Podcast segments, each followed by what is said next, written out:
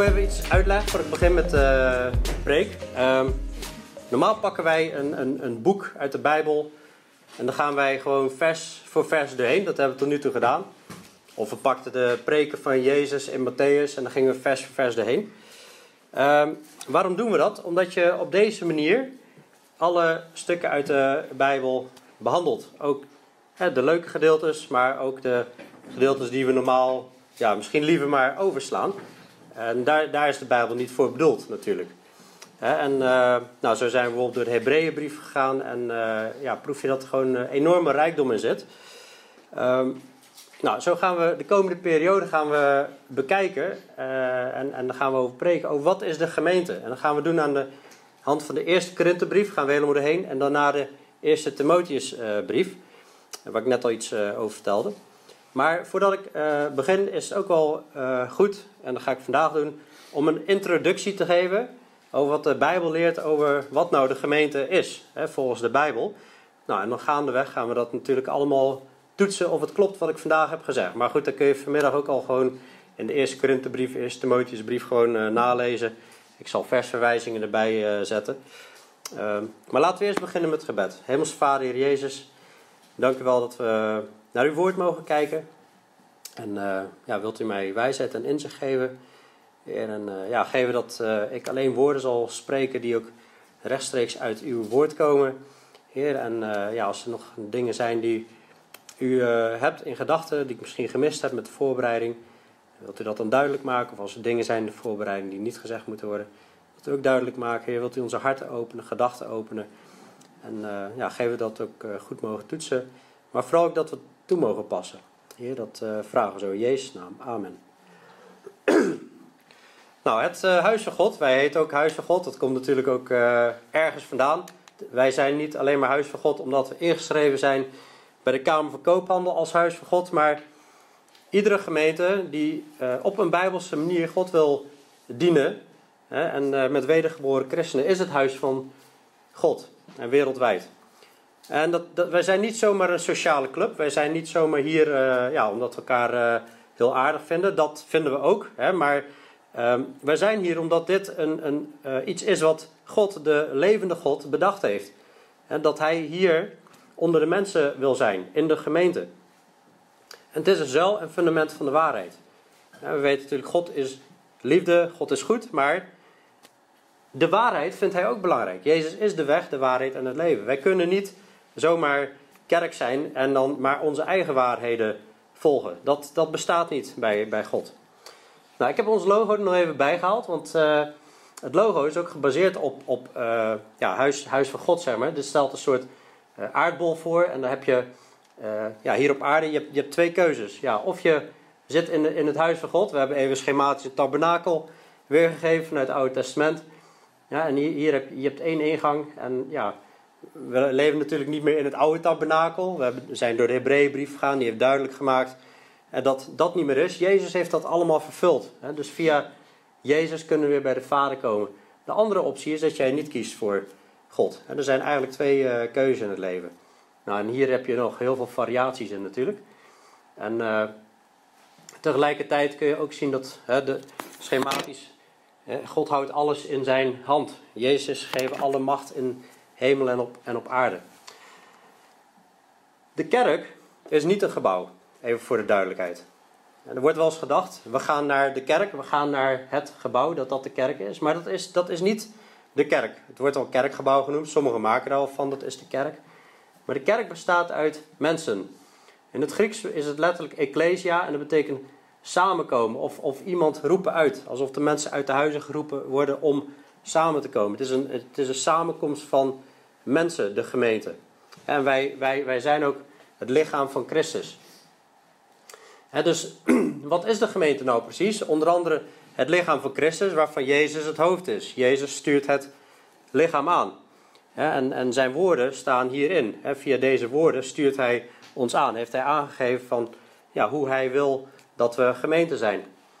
We worden ook het uh, huis van God genoemd dus. Ja, het huis van God. En, en, Petrus gaat daarop in en die zegt we zijn eigenlijk levende stenen. We zijn levende bouwstenen. En tegelijkertijd zijn we ook bouwers in dat huis. En ik vind het zo mooi als je in het Oude Testament ziet hoe de eerste tempel gebouwd werd, dan waren de stenen waren helemaal pasklaar. En zonder enig lawaai of timmerwerk op de bouw konden de stenen in elkaar gezet worden. Dus als wij ons laten vormen door God, kunnen wij ook zo in de gemeente, in het bouwwerk van God, gebruikt en, en benut worden. We worden ook het volk van God genoemd in uh, de eerste Petrusbrief. Eerst had je Israël, was het volk van God. Nu worden wij het volk van God genoemd. Een samenstelling van Jood en Griek, Joden en heidenen. Een volk wat God zijn, tot zijn eigendom heeft gemaakt, zeg maar. Een hele bijzondere positie. ook worden we de kudde van God genoemd. Nou, als je een kudde hebt, heb je natuurlijk ook een herder. Jezus wordt de herder genoemd. En hij is ook de, de opperherder, want er zijn ook herders in de kerken natuurlijk. En dat is heel bijzonder, want hij, hij wijdt ze en, en, en hij voedt ons, hij beschermt ons. En we mogen hem volgen. Maar goed, een kudde heeft ook de eigenschap dat als er een paar schapen naar links gaat, hè, dat, dat een kudde schapen rent daar heel snel achteraan. Dus het is heel belangrijk dat we naar Jezus blijven kijken en, en hem blijven volgen. En niet zomaar achter allemaal dingen aangaan en, en massagedrag gaan vertonen. Wat eigenlijk wel heel erg veel gebeurt. Um, we worden ook de bruid van Christus genoemd. En de bruid van Christus, dat geeft eigenlijk een hele intieme verhouding weer tussen ons en, uh, en, en, en Christus. En in Efeze 5 wordt daar ook op ingegaan. Wordt op een hele geniale manier wordt het huwelijk uitgelegd. En tegelijkertijd geheimen over Christus en, en de gemeente uitgelegd. En uh, ja, ook dat, ook dat we eigenlijk helemaal puur en schoon en, uh, en, en smetteloos voor Christus moeten komen te staan. We zijn natuurlijk schoon gewassen, maar we moeten ook schoon blijven, ons schoon houden, zeg maar. Zodat we op een hele mooie manier voor Christus voorgesteld mogen worden. Als een, als een prachtige bruid. nou, je hebt de gemeente, die heb je ook uh, wereldwijd. Je hebt de plaatselijke gemeente, je hebt de wereldwijde gemeente. De wereldwijde gemeente is blijvend. Dat, is, dat zijn alle opnieuw geboren christenen. Als je wil weten wat dat betekent, opnieuw geboren zijn, dan uh, hebben we een hele preek aangeweid. Kun je op ons YouTube-kanaal terugvinden. Maar de gemeente is wereldwijd. Vanaf de uitstorting van de Heilige Geest tot en met nu, alle christenen die opnieuw geboren zijn, ook de gestorven christenen, dat is de gemeente van God nu. En, en uh, dat is blijvend. De plaatselijke gemeente, die is tijdelijk. Je had uh, gemeenten van Galatië, in de provincie Galatië in, uh, in Turkije. En de gemeente van Azië, was ook een provincie, wat wij nu Turkije noemen die gemeenten bestaan nu niet meer. We weten ook grotendeels al waarom. Als je in openbaring 2 en 3 kijkt, dan waren ze gewoon ongehoorzaam. En even heeft Jezus gezegd, ik zal, ik zal de kandelaar wegnemen als je niet bekeert. Ik zal je uit mijn mond spugen als je niet bekeert. Er waren zeven gemeentes en maar vijf waren eigenlijk gehoorzaam, die volgden. En sowieso als Jezus terugkomt en hij, hij neemt ons tot hem, ook, ook dan bestaat deze plaatselijke gemeente niet meer. Maar die, die zal in de hemel wel blijven bestaan. Het bestaat uit de uh, opnieuw geboren christenen dus, maar er zitten ook naamchristenen tussen. Daar zullen we later nog even naar kijken. Het is ook geen organisatie en, en er zit eigenlijk ook geen hiërarchie in, zoals je wel eens ziet. Je hebt uh, in bepaalde stromingen, zoals katholicisme of, of, of een synodaal, heb je een overkoepelende kap, zeg maar. Dat vind je eigenlijk niet terug in de Bijbel. Dat is, een, dat is iets wat mensen zelf bedacht hebben om, om er een soort overkoepelende organisatie van te maken. Het enige wat je wel ziet is in Handelingen 15 dat er een, een, raad samenkomt in Jeruzalem, een eenmalig iets waarin ze gaan overleggen van hey, hoe zit het nou met die heidenen? Moeten die nou de besnijdenis houden? Wat, wat moeten ze eigenlijk überhaupt nog houden van de wet? Dat is een eenmalige bijeenkomst en er worden hele grote belangrijke keuzes gemaakt. En dus de plaatselijke gemeente die opereert eigenlijk zelfstandig. Niet helemaal, want de schrift is natuurlijk de autoriteit. Dus, dus je handelt op basis van de schrift. Als je daarvan afwijkt en uh, in ernstige vorm, dan, uh, dan ben je ook eigenlijk geen gemeente. Dan zeg je, Jezus, dan neem ik de kandelaar ook weg. Of als je de eerste liefde verlaat. dus die, die uh, zijn er om zelfstandig te opereren. Dat zie je in de Bijbel ook. En natuurlijk is er wel contact onderling, dat is, dat is gezond. En dat, dat zie je ook gebeuren, maar het is niet zo dat er een overkoepelend orgaan boven zit, zeg maar.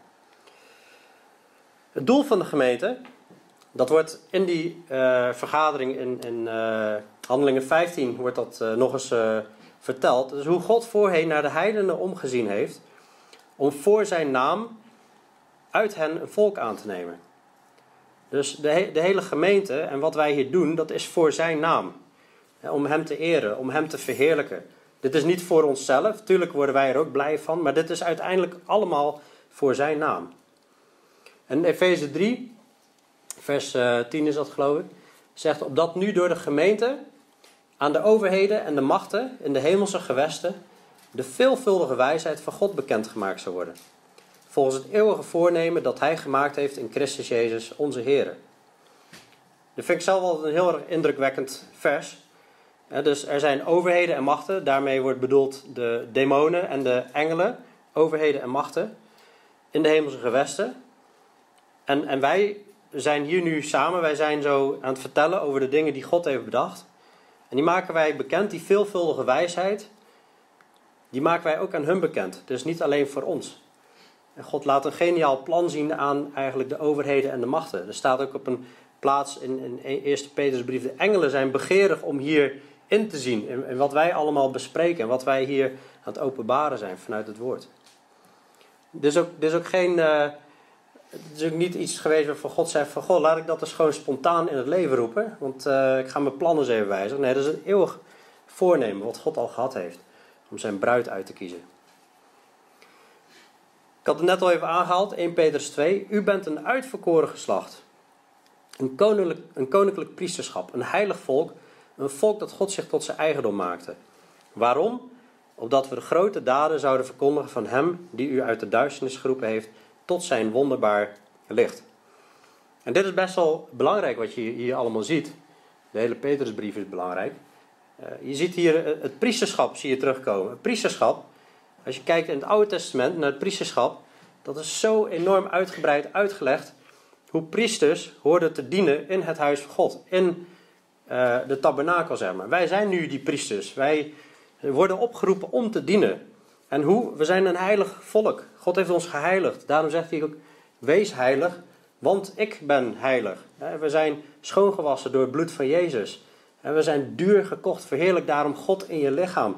Is wat uh, Paulus zegt in 1 Korinthe 3, 1 Korinthe 6. Wat is onze taak? Nou, we lazen net al. Gewoon de grote daden verkondigen. Maar het is onderwijs al de volken. Dat doe je buiten. Dan ga je de mensen vertellen. Op andere plekken staat verkondig het evangelie. Maar dat is ook onderwijs al de volken. Als wij op straat met de mensen in gesprek zijn, dat is gewoon het eerste onderwijs. Je bent mensen aan het uitleggen uh, wat het bewijs is dat, dat, dat God zichzelf laat zien in de, in de schepping. En dan ga je uitleggen over Jezus en over zijn redding en over de opstanding en waarom de Bijbel wel waar is. Dat is het eerste onderwijs.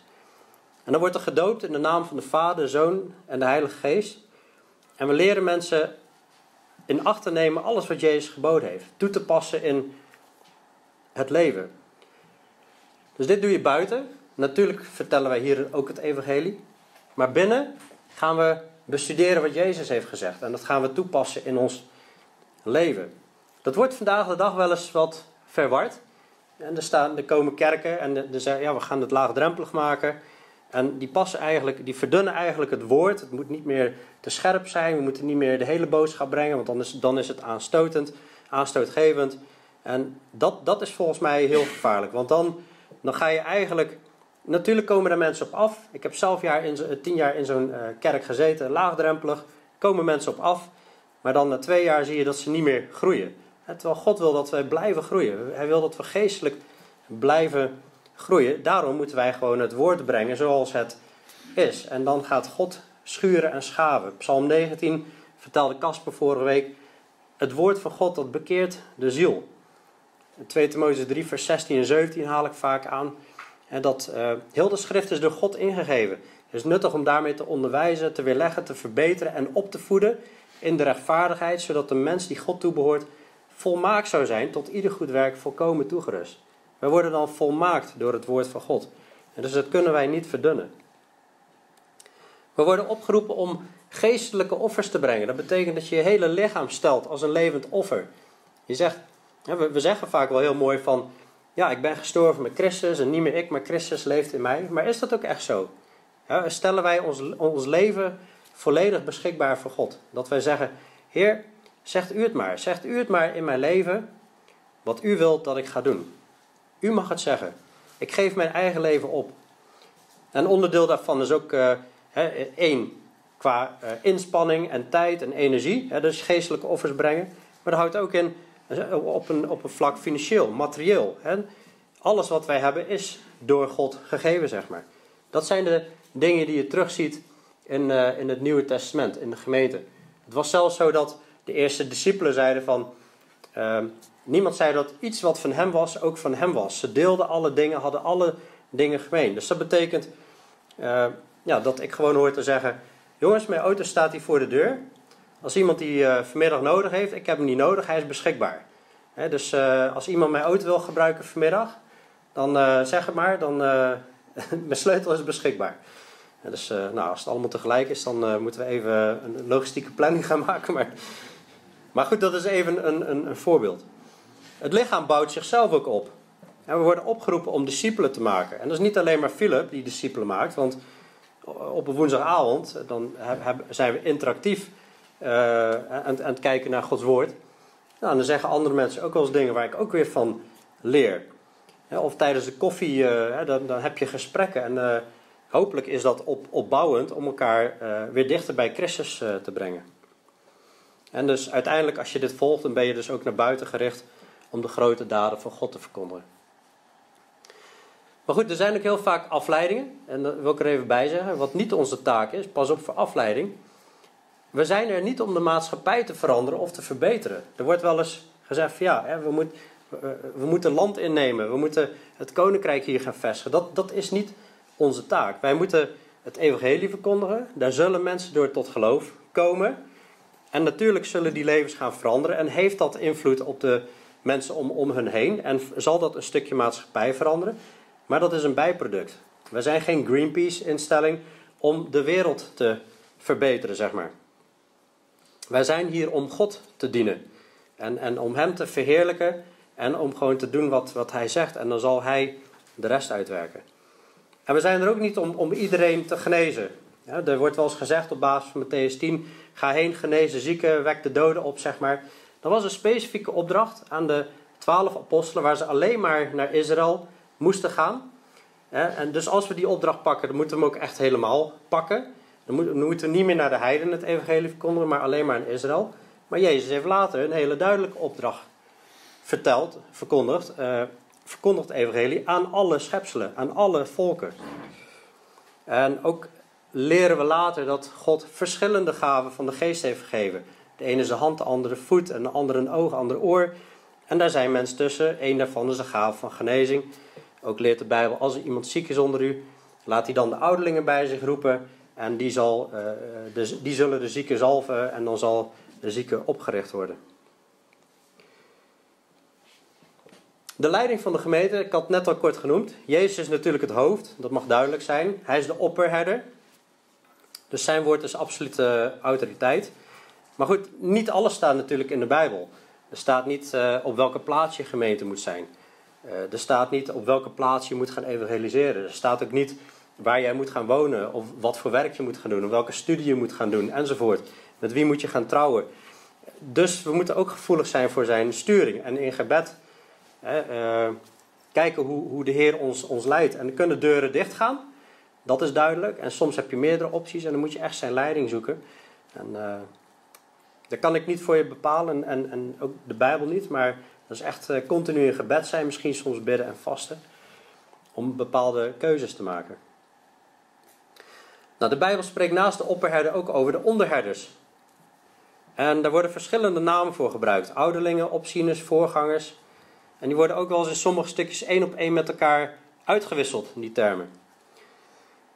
Um, misschien is het een beetje chockerend wat ik nu ga zeggen voor sommigen, maar ik, in, in, uh, er zijn in uh, de kerken die we om ons heen zien, zijn eigenlijk drie verschillende soorten van leiderschap die toegepast worden. Sommigen hebben één voorganger of een dominee. En dan hebben ze oudste uh, daarnaast of daaronder. Of, of daaronder. Uh, anderen hebben een voorganger en daarnaast hebben ze oudste. En uh, anderen hebben weer alleen maar oudste of ouderlingen, zeg maar. Nou, ik, ik heb er geen mening over. Mij maakt het niet uit. Maar ik ben gewoon gaan bestuderen. Waardoor ik er nu wel een mening over heb natuurlijk. Uh, in de Bijbel, ja, uh, vooraf gezegd, ik, het maakt mij niet uit wat er uitkomt.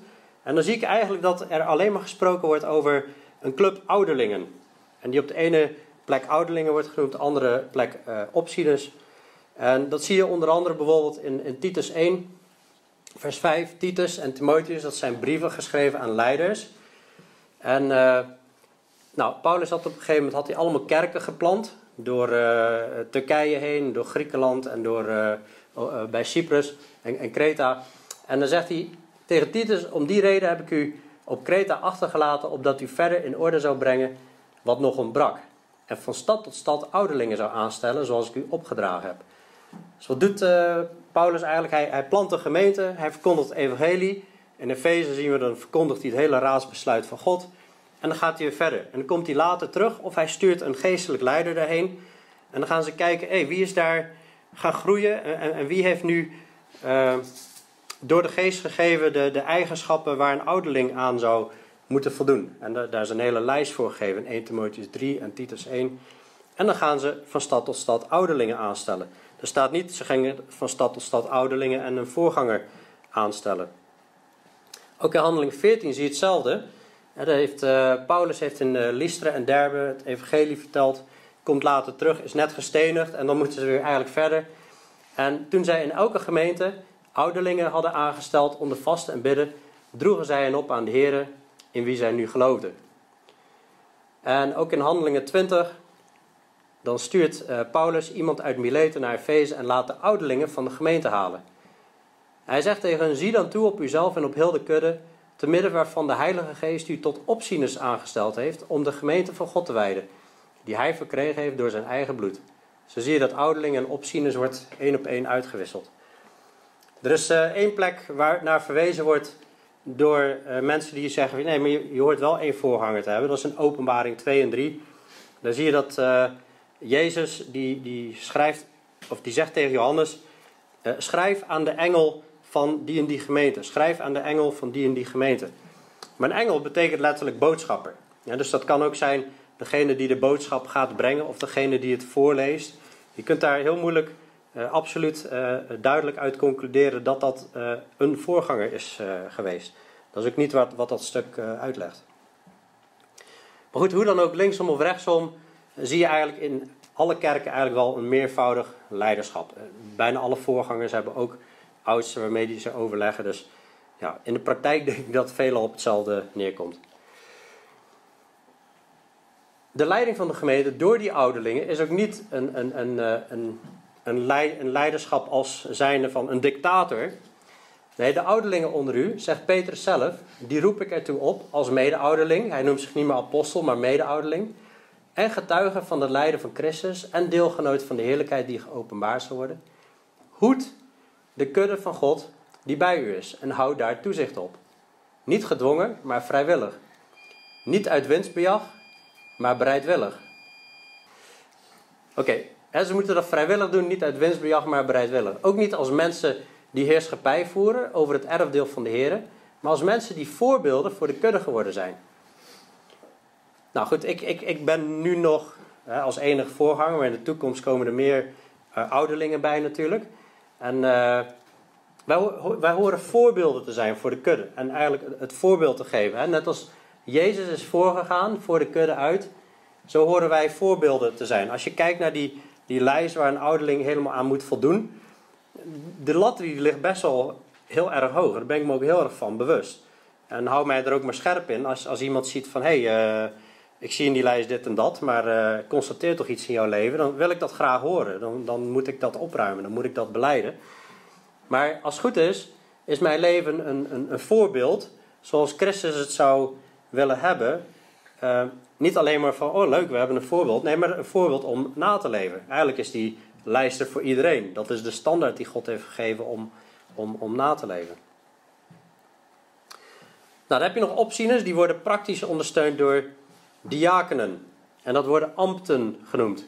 Niet te verwarren met diakenen betekent letterlijk dienen. Er is ook één van de twintig gaven van de geest, is dienen. Dat heet ook diakenen. Nee, dit gaat over een ambt. Hier is ook wel eens verwarring over. Met, uh, want beide zijn, zijn uh, ambten voor mannen. dus een van de eisen is dat een man van één vrouw moet zijn. In beide gevallen. Voor opzieners en voor diakenen. Um, Maar er staat op een bepaalde plek in de Bijbel dat VB is ook een, een, een diaken in de gemeente. Maar dat is niet het ambt, dat is gewoon iemand die dient. Iedereen die koffie inschenkt is dan ook aan diakenen, om het zo maar te zeggen. Dat is iets anders dan het ambt. Belangrijk om onderscheid te maken. Ook die diaken moet aan een bepaalde lijst voldoen. En wat doet zo'n diaken? We zien dat in Handelingen 6 zien we dat eigenlijk voor het eerst ingesteld worden. De apostelen, die, uh, die komen niet meer toe aan, aan het gebed en het woord, omdat ze druk zijn met ook zorgen voor de weduwe. En uh, ja, het kan natuurlijk niet zo zijn dat ze het belangrijkste aan de kant gaan zetten. Uh, en, en dan zorg dragen voor mensen en niet meer het eerste doen, het woord en gebed, in woord en gebed blijven. En dat je dan met die andere dingen bezig bent, zeg maar. Eerst het een dan het ander. Dus dan zoeken ze naar mensen die vervuld zijn van de geest en een goed getuigenis hebben. Er staan wat dingen bij. En die worden aangesteld als soort coördinatoren, soort verlengstukken van de apostelen, om ook mee te dienen, zeg maar. Nou, verder zijn er twintig gaven van de geest. Het is echt niet zo van, oh, je hebt uh, opzieners en diakenen en de rest, uh, hey, nou, succes leiderschapsteam en gaan wij lekker achterover zitten. Nee, er zijn twintig gaven van de geest om een gemeente op te bouwen. En dat is van de gave van het geloof tot de gave van dienen, gave van toerusten, gaven van bemoedigen, gaven van genezing, gaven van talen, dat soort, dat soort dingen.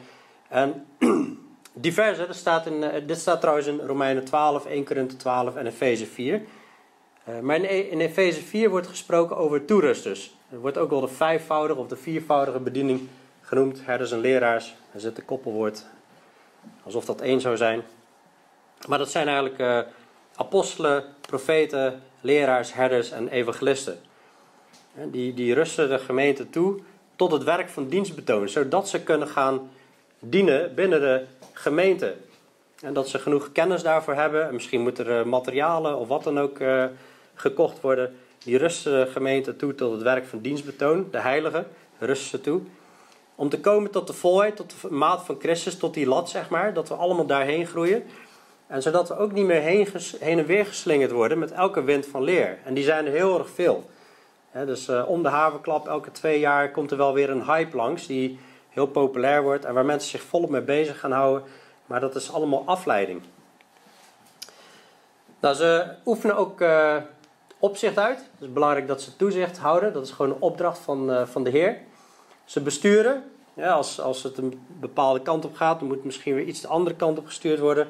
En ze kiezen ook uit waarover gesproken gaat worden, gehoed en gevoed. En uh, ze hoeden dus, hoeden, hoed de kudde van God die bij u is. En we moeten daarin waakzaam zijn. Nou, hoeden dat uh, richt zich vooral op uh, gevaren buiten houden. Nou, wat zijn die gevaren dan? Dat kan verkeerde leer zijn. Dat kan zonde in de gemeente zijn.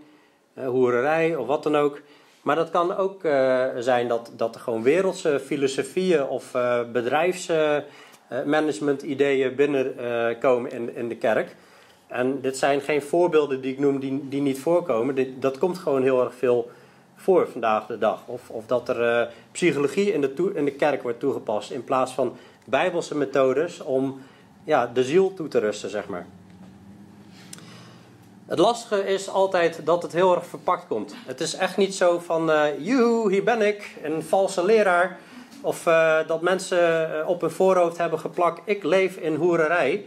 Nee, kijk, wat wij niet weten, daar kun je niks doen. Als jij door de week achter het scherm zit en porno kijkt, dat kan ik niet weten. Tenzij jij je zonde uh, beleidt.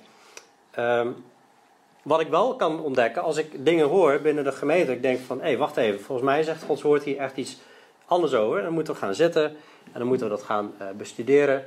Maar goed, er staan ook dingen over geschreven. Als iemand niet wil luisteren, kan ook zijn dat mensen bewust dingen komen leren. Er zijn mensen die echt heel doelbewust een kerk binnenkomen om iets te gaan onderwijzen en om een, om een kerk te gaan veranderen. Dat is een taak van ouderlingen om daarvoor te waken.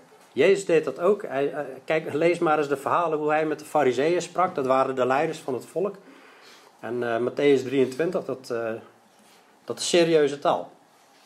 Het lastige is ook dat heel vaak schapen, heel veel, vooral jongere christenen, het ook niet zullen herkennen. En zullen denken, ja maar wat zijn die ouderlingen nou aan het doen joh? Uh, wat is er nou mis mee? Dat is zo'n aardige man, die zo liefdevol. Of zo'n aardige vrouw, zo liefdevol. Waarom is dit nou zo belangrijk? We moeten toch lief hebben? Dat is, dat is waar, we moeten lief hebben. Uh, 100% liefde moeten we tonen. Maar we moeten ook 100% de waarheid volgen. Het is niet dat het een boven de ander staat. Dus, het, dus dat gaat hand in hand. Als iemand niet 100% liefdevol is, moet je er iets mee doen. Als iemand niet 100% de waarheid wandelt, moet je er ook iets mee doen.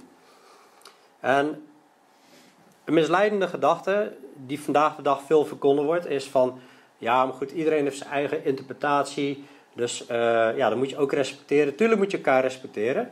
Maar er kunnen niet twee waarheden tegelijkertijd waar zijn over iets. dus of ene is waarheid en de andere is leugen, of het is allebei leugen. En als jij overtuigd bent dat iets waarheid is, dan is het eigenlijk liefdeloos om niet de ander te vertellen of de ander in een leugen te laten leven, zeg maar. En misschien heeft de ander wel een, een, een heel, uh, ja, hele sterke argumenten. Dat blijkt dat wat jij gelooft helemaal niet klopt. Dat kan, hè? Dus als ik dingen zeg hier, en, en je bent van mening dat het niet klopt, dan laat het mij weten. Dan gaan we het samen bestuderen. Ik doe mijn uiterste best om het zorgvuldig te bestuderen. Ik wil daarin geen fouten maken. Want ik weet dat ik verantwoording af ga leggen. Dat staat in Hebreeën 13. Ik ga verantwoording afleggen over uh, het zorgdragen voor de zielen van de mensen. En dat wil ik heel zorgvuldig doen. Maar goed, ik ben ook een mens, kan fouten maken. Dus ja, blijf het gewoon toetsen. En het wijden, dat is ook een taak van de ouderling. Dat is het voeden. Voeden vanuit het woord. En mensen brengen naar grazige weiden en, en, en leiden aan, aan rustige wateren.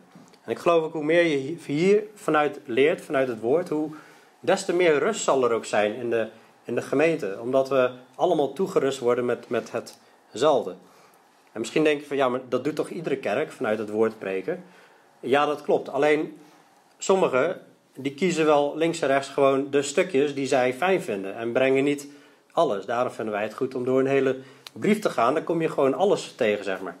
En dat doen we ook op een laagdrempelige manier, maar dan wel in de zin van dat ook de kinderen van, uh, van 8 en 9 het kunnen begrijpen. In begrijpelijke taal bedoel ik dan.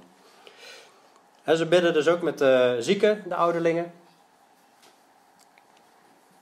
De Bijbel spreekt ook over uh, fulltime arbeiders. Arbeiders die gewoon betaald worden. Bijvoorbeeld hier uh, over ouderlingen. Laat ouderlingen die goed leiding geven, dubbele eerwaard geacht worden. Vooral degenen die arbeiden in het woord en in de leer want de schrift zegt: Een dorstende os mag u niet melkorven. En de arbeider is zijn loon waard. Een dorstende os, dat is een os die aan het werk is. En uh, ik geloof dat hij dan de, de, de, de tarwe van, hoe heet dat ook weer, die vlas aan, aan, aan het scheiden is. In ieder geval, hij is aan het werk, zit met zijn mond boven het eten. En dan zou je melkorven dat hij daar niks van mag eten.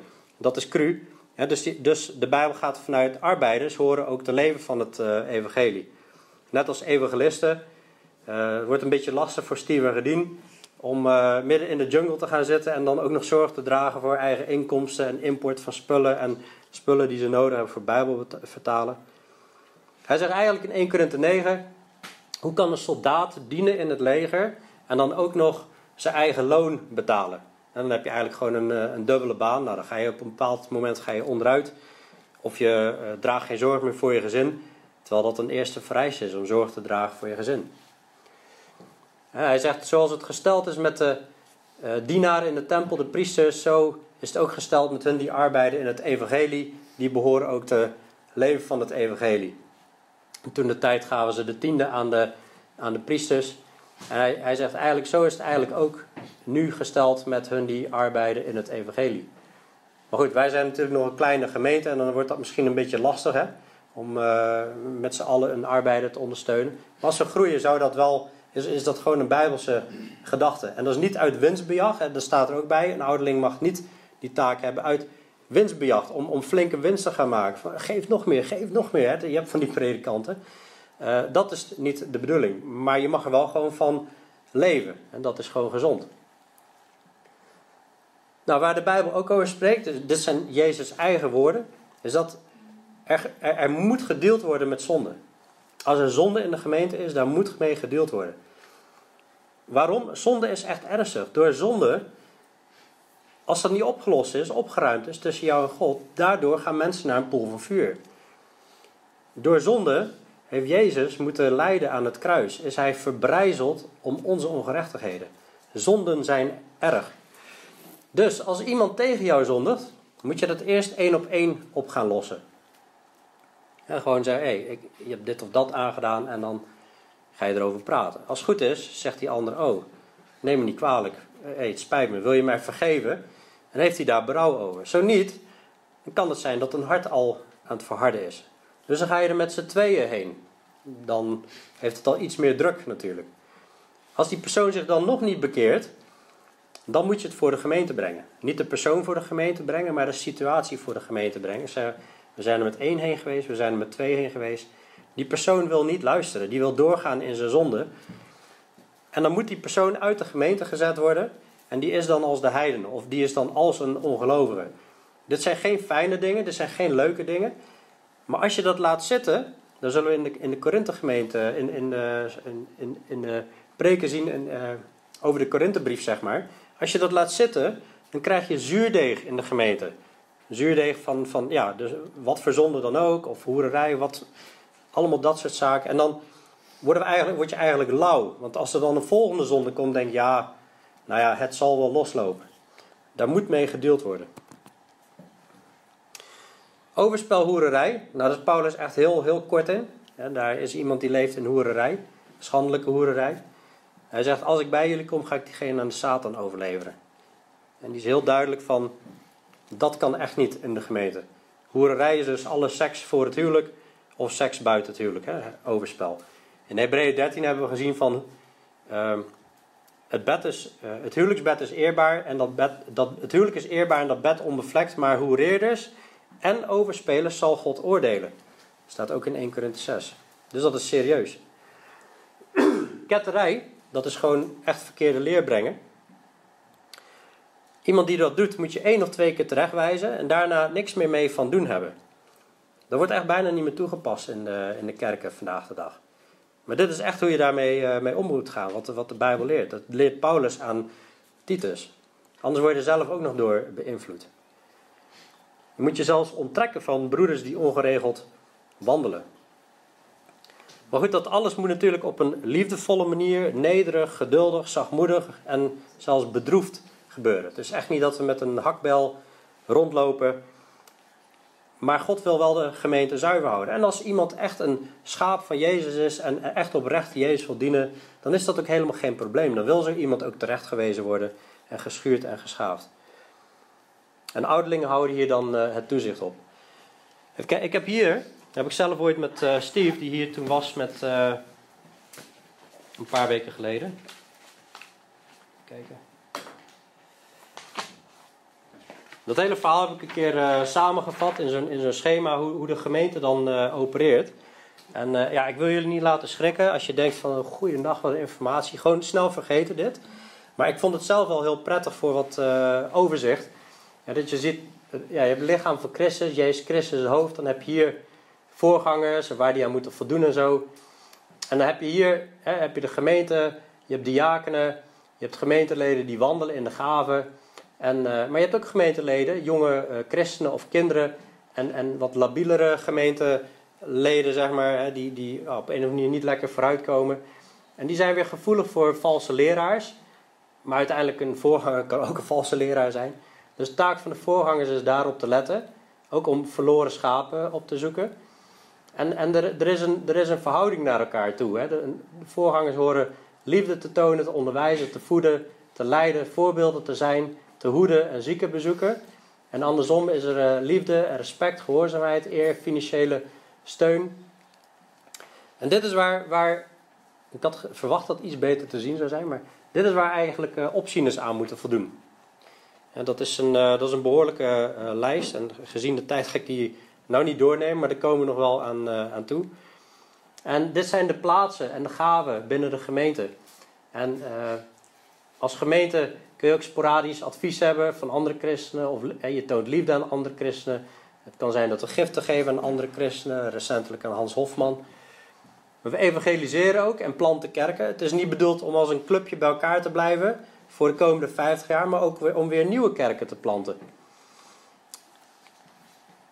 Nou, hier allemaal versverwijzingen waar, waar dat op gebaseerd is. En het is belangrijk om te zeggen dat niet elke kerk is een kerk en niet elke christen is opnieuw geboren. Jezus heeft dat al uitgelegd met de gelijkenis van de zaaier. Vier, vier verschillende gronden van het hart. Eentje draagt maar vrucht. En bij al die anderen wordt op een of andere manier wordt het woord, wordt het geloof geroofd. Ofwel door verdrukking omwille van het woord dat jij bent gaan geloven. Ofwel om de rijkdom, begeertes of de zorgen van het leven, dat je dat toch belangrijker gaat vinden. En dan verstikt het. Er is maar één die vrucht dragen, dat zijn de opnieuw geboren christenen. In Matthäus 13 heb je eigenlijk allemaal gelijkenissen over het koninkrijk der hemelen. En dat is de gemeente. En er wordt gezegd van, ja, Jezus heeft zaad gezaaid in, in, in, de, in de akker. En er komt vrucht uit, maar in de nacht heeft ook de vijand, die heeft ook zaad gezaaid, zeg maar. En dat is onkruid. En dan zeggen de arbeiders van, moeten wij erheen gaan? Moeten wij dat eruit gaan trekken? En dan zegt de Heer, nee, dat gaan we niet doen. Dat doen we helemaal op het eind. Helemaal op het eind wordt eigenlijk het onkruid en de tarwe wordt gescheiden. En dat is eigenlijk bij het grote oordeel. Dus we moeten van bewust zijn dat een kerk waar je binnenloopt, kan gewoon een, uh, een kerk zijn waar Jezus al een kandelaar heeft weggenomen. Als ik kijk bijvoorbeeld naar ja, Jehovah's getuigen, die komen ook bij elkaar. Uh, en die noemen zich ook een, een, een, kerk. Maar die leer die is echt zeer onbijbels. Jehovah getuigen leert gewoon uh, dat je de geest van God niet in je hebt. Terwijl Romein 8 vers 19 zegt, als iemand de geest van God niet heeft, behoort die God niet toe. Dus daarmee kun je al direct zeggen, dit is gewoon echt onbijbels. Zelfs in hun vervalste Bijbel staat dat vers. En toch zeggen ze, nee, de geest van God woont niet in ons. Dus dat is belangrijk om in de gaten te houden. Ook niet elke christen is opnieuw geboren. Dus volg ook niet elke christen. Ga niet denken van, oh, maar die andere uh, christenen die doen dit en dat en dat, doen zij ook. Dus dan zal het wel goed zijn. En die leven al zo lang met de Heer. Nou, ik ben daar in mijn eerste jaar, toen ik tot geloof was gekomen, ben ik daar zo gruwelijk hard ingestonken dat ik uh, advies kreeg van een, uh, een, een, vrouw die was, die was meer dan 60 jaar. En, en, en die gaf mij advies. Die zei: God heeft mij gezegd dat je dit en dat moet gaan doen. En ik, ik was daarvoor aan het bidden, was net iets, een belangrijke keuze in mijn leven. En ik ging dat ook nog opvolgen, omdat ik op een soort teken zat te wachten. Ja, wist ik veel, denk ik, ah, die, die vrouw die zo heilig, zo, die wandelt zo dicht met de Heer, die zal het wel weten. Nou, toen, uh, toen ben ik echt op mijn plaat gegaan, want als God je iets duidelijk maakt, dan maakt hij het zelf wel duidelijk. En dat kan ook door anderen, maar dan is het en-en, zeg maar. Nou, nog even samengevat. Ieder individu laat zijn oude leven achter. Dat is een offer aan God. We wandelen heilig. Het evangelie wordt verkondigd. We dopen. We onderwijzen en passen het woord toe. Ook zingen heb ik nog niet genoemd, maar dat zie je ook gewoon. Hè, we zingen hier niet voor niks. Dat is ook omdat de Bijbel dat noemt. En bidden we God mee. We breken het brood. We bidden. Hebben we twee weken geleden over gepreekt. Mijn huis zal een huis van gebed zijn. Hoe belangrijk dat gebed is. We hebben gemeenschap, goede tijd samen. Dus niet alleen op zondag, we komen op woensdag ook samen. Maar het is ook gewoon goed om elkaar door de week op te zoeken. Of dat eh, de jongeren de ouderen op, opzoeken. Dat, is, dat, dat zijn hele goede dingen. We dragen zorg van elkaar, voor elkaar, door middel van de gaven die God ons gegeven heeft. En wezen en, wede, wezen en weduwe bezoeken in een verdrukking. Dat wordt ook als heel belangrijk gesteld. Ik heb dat hart erbij. Hè, dien elkaar door de liefde.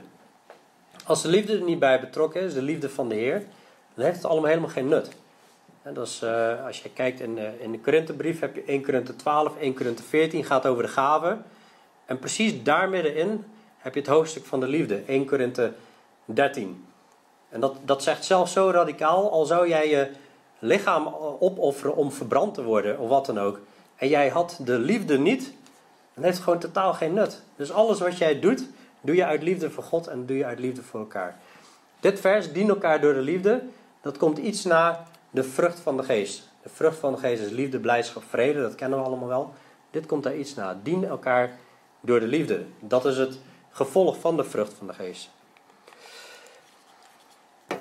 Ja, dit is even een korte samenvatting. Misschien is niet alles nieuw. Misschien zijn sommige dingen wel nieuw. En anders is het goed om, om te verfrissen, verversen en ook voor de jongeren is het goed om eens een keer het totaalplaatje gehoord te hebben voordat we dan gaan kijken naar de rest.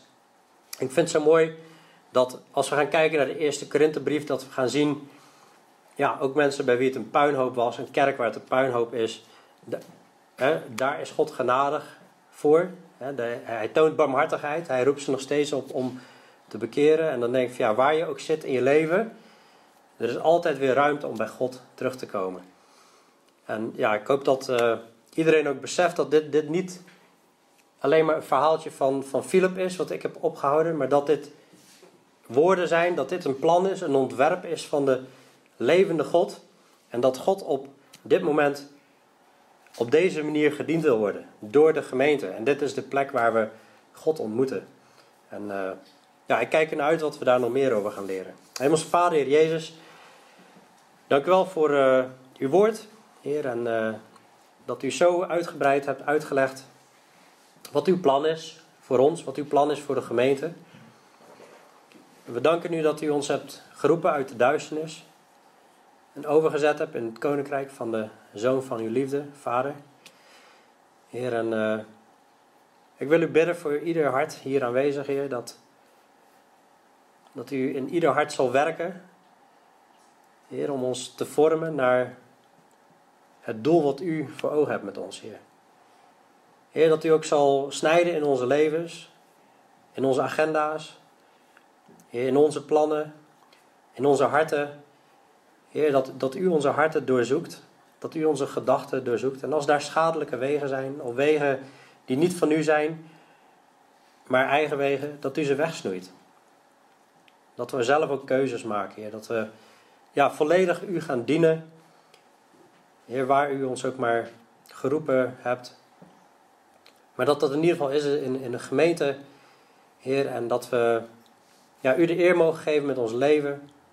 Heer, en uh, ook hier binnen Huis van God, dat, dat iedereen in de, in, in, in de komende periodes, Heer, ook zal ontdekken wat u voor ogen hebt. Hoe u wilt dat ze gebruikt zullen worden, Heer. Heer, wilt u ons kneden en ook laten groeien in geloof. Heer, en uh, ja, mochten er mensen zijn die, die op het moment even God niet zo ervaren in hun leven. Heer, wil ik u vragen, Heer, om hen weer aan te raken. Heer, hen weer vervullen door, dat u hen weer vervult door uw geest. Heer, dat, uh, dat u hen verfrist en verkwikt. En Heer, dat ze u weer van dichtbij uh, mogen ervaren. En als er dingen zijn die we moeten opruimen, dat u dat duidelijk maakt. Heer, dank u wel voor uw woord, Heer. En uh, ja, leer ons zo komende periode wat u ons allemaal te zeggen hebt. In Jezus' naam. Amen.